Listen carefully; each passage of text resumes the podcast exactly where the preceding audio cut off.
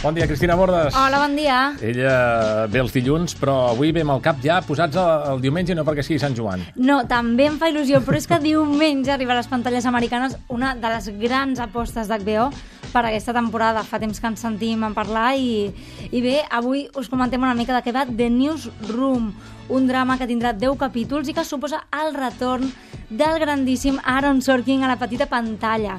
Uh, podeu pensar en ell per haver guanyat un Oscar al millor guion de Social Network o la nominació d'aquest any per Moneyball, però els més serièfils, quan sentim Aaron Sorkin, pensem en el clàssic de la televisió contemporània de West Wing. El Seriafils, abans dels Oscars i això, ja el coneixia, Aaron Sorkin, Sí, no? ja, Per ja, està, ja Oeste. estava, i tant. I a més tenia moltes, moltes ganes que tornés. Uh, I bé, a The Newsroom trobarem una ficció metatelevisiva que ens mostrarà les entranyes d'un programa de notícies en decadència que ens farà posar en la pell del seu presentador, interpretat per Jeff Daniels.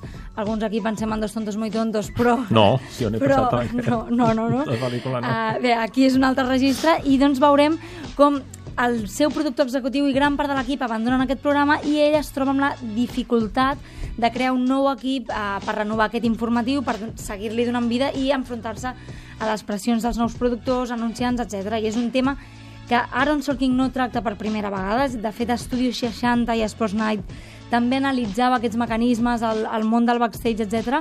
però van ser cancel·lades molt aviat i aquí, com que Aaron Sorkin s'ha associat amb HBO, doncs li donaran més peixet, no dependrà tant de les audiències i tenim aquí confiança dipositada en que serà una de les sèries de l'any. Molt bé, una sèrie doncs, ben recomanable.